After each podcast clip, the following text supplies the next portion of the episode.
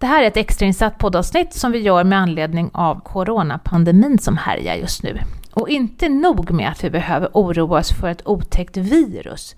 Vi ser också att världsekonomin bromsar in på grund av fallande börser och massarbetslöshet. Och den som planerar att gå i pension i år eller kanske nästa år, den funderar säkert på om det kommer att vara möjligt och på hur den egna framtida ekonomin kommer påverkas av läget som råder i världsekonomin just nu. Och innan vi börjar så vill vi be om ursäkt för den dåliga ljudkvaliteten och det beror då på att vi sitter helt enkelt på olika platser och försöker spela in det här avsnittet med hjälp av teknisk utrustning. Så att vi hoppas att du har överseende med det. Och nu kör vi igång! Välkommen till Min Pensionspodden! Ja, hur påverkas egentligen våra pensioner av en ekonomi som faller fritt?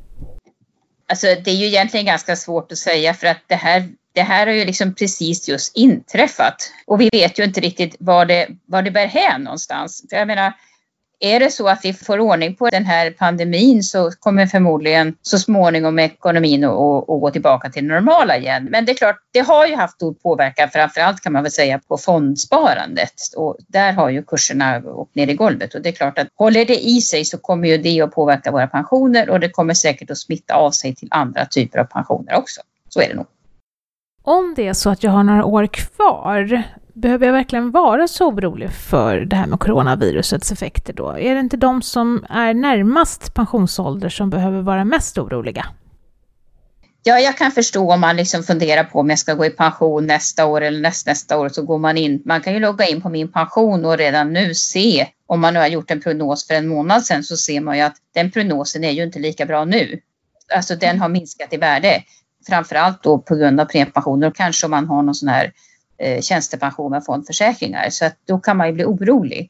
Samtidigt så tycker jag ändå att man ska veta att eh, pension är ju någonting väldigt långsiktigt. Eh, man ska säkert vara pensionär i 20 år och mer och utbetalningarna kommer då vara kontinuerligt. Så att eh, det kan kännas lite i magen, man kan undra lite grann hur ska det bli men jag tycker inte, kanske inte man ska dra allt för stora växlar på det här. Och sen är det också så att pensioner ser olika ut. Jag, jag tycker att man ska risktesta sin pension och se vilka vilka av mina pensioner påverkas av det här och vilka påverkas faktiskt inte alls. Ja, hur påverkas pensionen då? Om vi börjar från början, om vi börjar med inkomstpensionen då, som är den stora delen i den allmänna pensionen. Hur påverkas den? Ja, vi kan väl börja med de pensioner som inte alls påverkas. Och det här är ju en tröst till den som förväntar sig att få väldigt låg pension eller har väldigt låg pension och där kanske en del av pensionen är i form av garantipension om man har bostadstillägg eller äldreförsörjningsstöd det här påverkas inte alls av det som händer i världen just nu. Garantipensionen, den är liksom säkerställd. Den kan inte minska i värde utan den följer prisutvecklingen. Eh, bostadstillägget, äldreförsörjningsstödet, det är ju också sådana här liksom fasta belopp som är beslutade av politikerna så de ligger ju också fast. Det andra som inte heller påverkas av, av börskurser och sånt, det är ju om man har en förmånsbestämd tjänstepension och det har ju väldigt många av dem som, som håller på att närma sig pension nu. Det är alltså, man kan säga lite grovt den gamla sortens tjänstepensioner som byggde på att man fick en förmån i förhållande till hur länge man hade jobbat och vilken lön man har haft. Och det är ju inte heller pengar som är placerade på börsen då. Så att här är man inte alls påverkad och det kan ju faktiskt kännas skönt. Jag skulle tro att väldigt många som närmar sig pensionen har sin största del av pensionen i, i pensioner som inte, inte är speciellt riskutsatta. Men sen är det ju också några pensioner då som är mer riskutsatta och vilka är det då?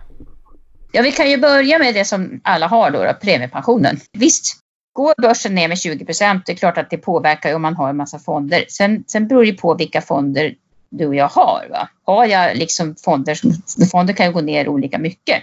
Men det är klart, om låt säga då, alltså, om man har förlorat 100 000 kronor eller värdet har minskat 100 000 kronor. Då skulle jag säga om det så att säga skulle vara varaktigt då kommer ju pensionen att minska med ungefär 400 kronor i månaden.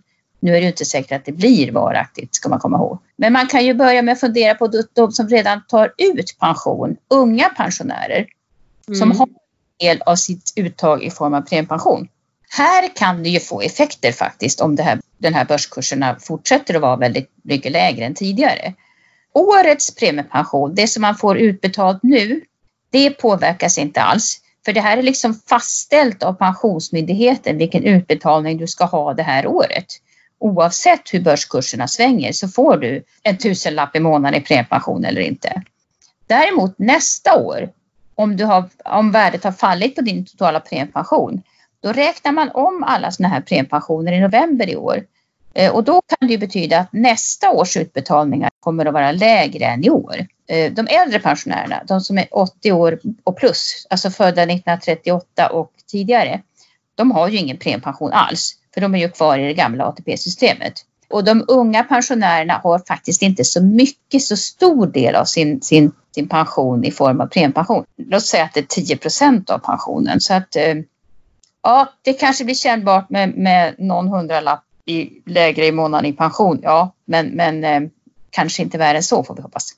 Mm, det var den allmänna pensionen. Men hur ser det ut för tjänstepensionerna då?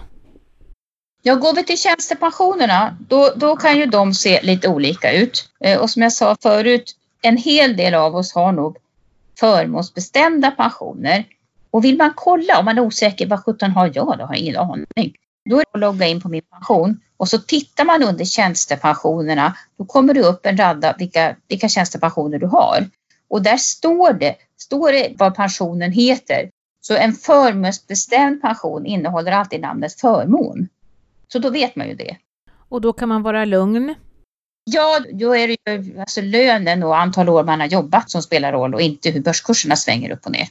Det är klart, man har med jobbet då är det en annan historia, men, men annars så berörs man inte. Men rätt många av oss också har i alla fall delar av våra pensioner. Även om man är lite äldre så kan man ju ha till exempel om man är privatanställd tjänsteman så kan man ha någonting som heter ITPK som är en del av tjänstepensionen ITP och den är ju då placerad på börsen. Nu är det ingen stor del, men, men absolut. Och sen kan man också ha valt själv om man har en premiebestämd tjänstepension att lägga den i en fondförsäkring.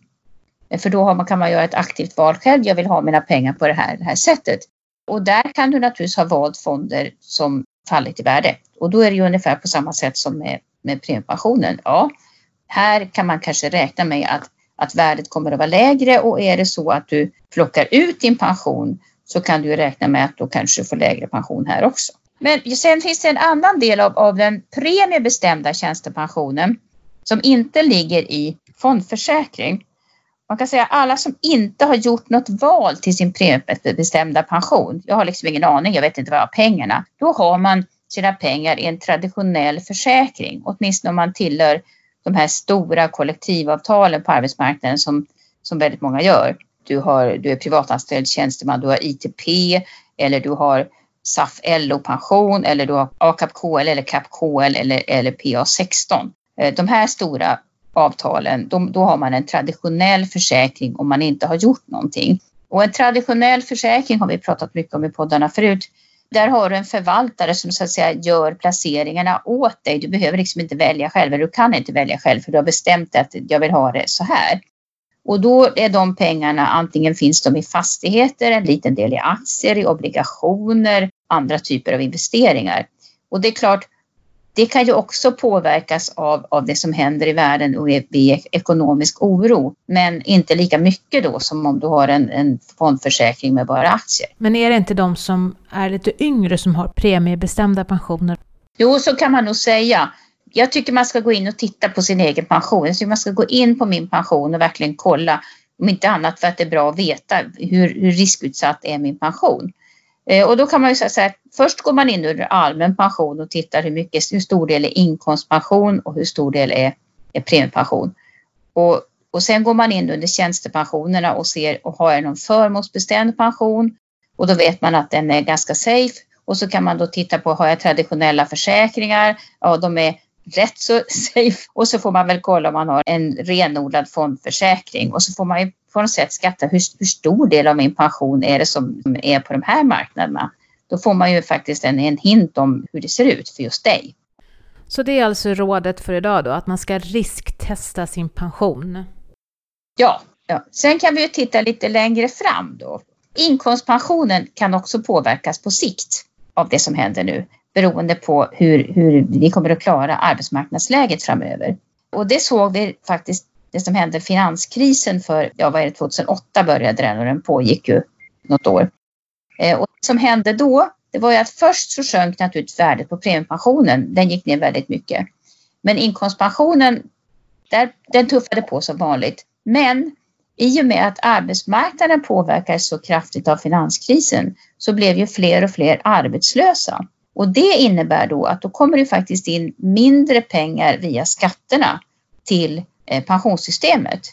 Och det i sin tur gjorde faktiskt att man var tvungen att, att bromsa inkomstpensionen. Det kallas faktiskt för bromsen. Då sjönk pensionerna faktiskt. Och det beror helt enkelt på att kommer det in för lite pengar till pensionssystemet, då man gör en avvägning varje år och tittar på hur mycket pengar som har kommit in till pensionssystemet i förhållande till de utbetalningar som man förväntas ha till alla pensionärer alla år de förväntas leva.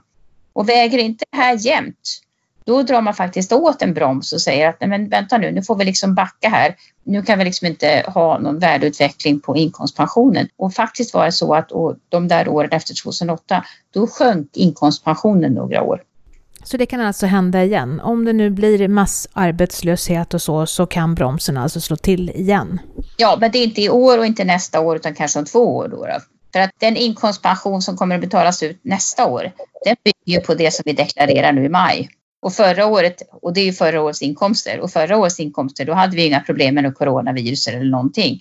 Så att det är inga problem, utan det är väl nästa år som alltså ska börja betala ut pensioner år 2022 eh, som möjligen kan påverkas av det här. Men det har vi väl anledning till att återkomma då. Absolut. Men jag tänker, om det är nu så att jag hade tänkt att gå i pension antingen i år eller också under nästa år. Hur ska jag då tänka?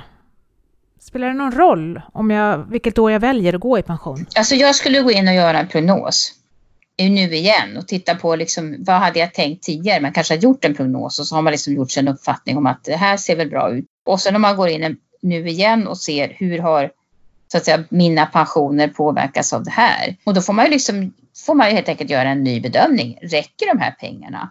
Eller kanske jag behöver jobba lite till då för att liksom säkra upp att jag kommer upp på, på en rimlig nivå igen.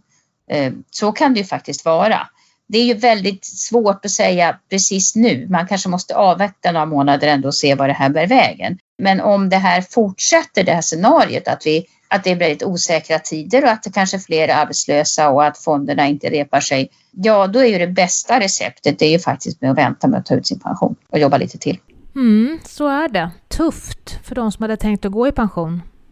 Ja, men då får man vara glad att man inte har tagit ut sin pension redan då. Det här är väl lite grann, vi brukar ju prata om risk och att man ska tänka sig för och sådana här saker och så här ser det ut. Man ska gå in och göra en prognos, man ska se var man har sina pensioner någonstans.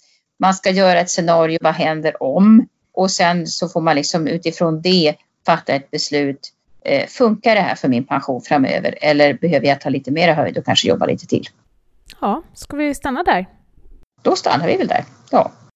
Tack för att du har lyssnat på min Pensionspodden idag när vi har pratat om eh, vilka effekter coronaviruset får för våra pensioner. Och vi vill också be om ursäkt för den dåliga ljudkvaliteten som beror på att Kristina Kamp och jag själv, Maria Eklund, sitter på distans och arbetar nu i coronatider. Så att vi sitter i varsin bostad och försöker förklara för dig hur du ska tänka kring dina pensioner via olika tekniska verktyg. Det här är ett extrainsatt avsnitt och nya avsnitt släpper vi normalt då på varannan fredag. Så snart igen släpper vi ett nytt avsnitt. Håll utkik i kanaler där poddar finns och var rädd om dig nu i coronatider så hörs vi snart igen. Ha det bra, hej!